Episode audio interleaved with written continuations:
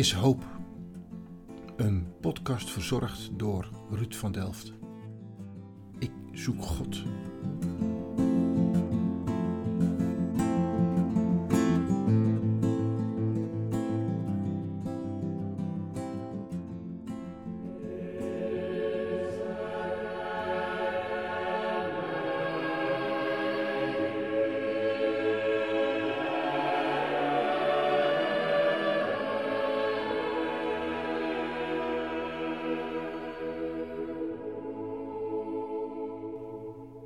Miserere mei Deus.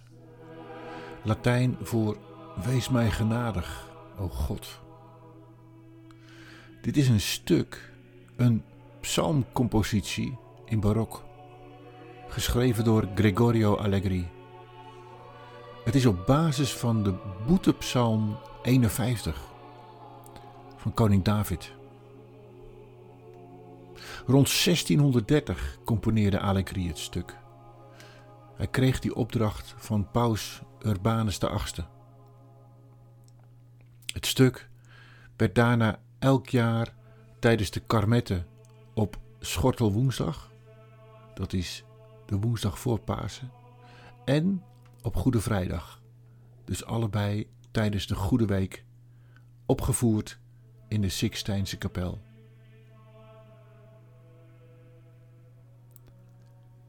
Het wordt gezongen door een koor, bestaande uit een groep van vier en een groep van vijf zangers, een Gregoriaans koor.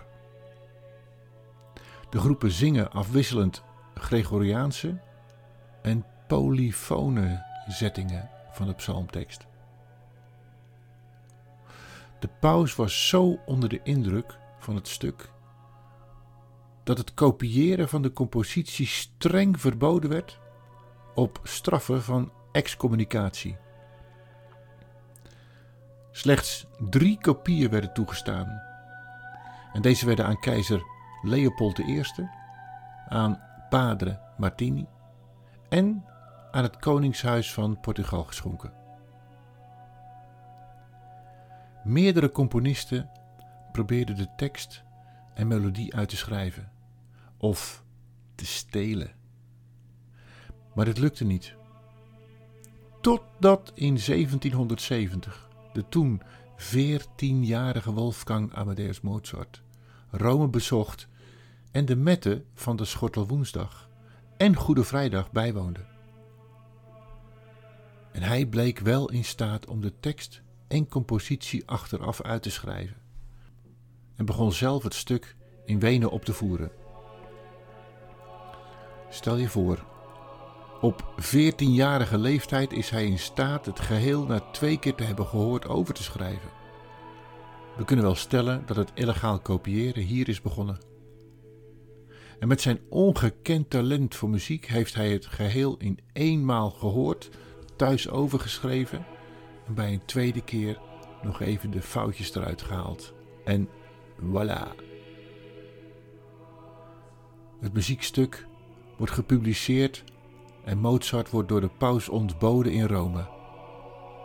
Maar in plaats van te worden geëxcommuniceerd, werd hij drie maanden later door paus Clemens IX geroepen en gecomplimenteerd met deze prestatie. En van excommunicatie was er helemaal geen sprake.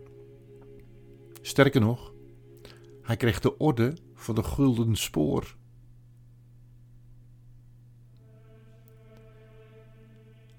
Even over de psalm. David, die spijt heeft van het overspel met Bathseba en alle gevolgen van nadien. Hij schreeuwt het uit naar God: Neem uw geest niet van mij weg. Hij is er zich van bewust dat God zijn geest weg kan nemen, omdat deze zonde te groot is om zijn geest te lenen aan deze man die zo'n verschrikkelijke zonde begaan heeft en niet anders kan dan wegnemen van zijn geest. Het is het beeld van Gods geest op aarde in het Oude of Eerste Testament. Gods geest was in die periode er voor bepaalde personen voor bepaalde taken en een bepaalde tijd. En God was daarin degene die bepaalde wie, wat en wanneer. In tegenstelling tot het nieuwe, het Tweede Testament. En ook nu. Gods geest is er voor iedereen die hem uitnodigt. Voor altijd en voor het vullen van de taken die jij in je leven hebt. Natuurlijk is het wegzenden van zijn geest uit je leven, of de heimelijke zonde, een mogelijkheid om zijn geest in de weg te lopen. Maar weet dat het maar één gebed ver weg is om zijn geest weer uit te nodigen en jou te laten helpen in jouw omstandigheden.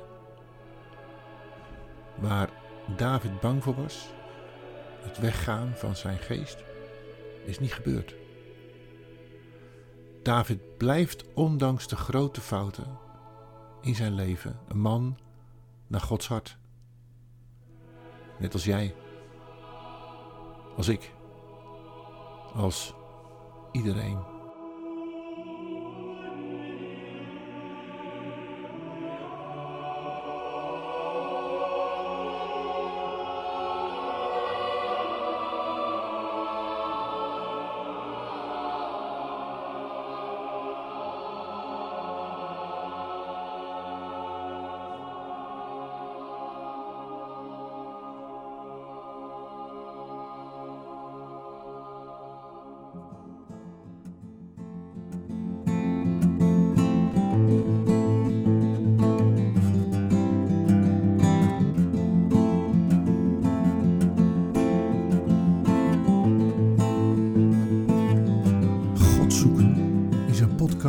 Die ik maak om met mensen in gesprek te komen over God.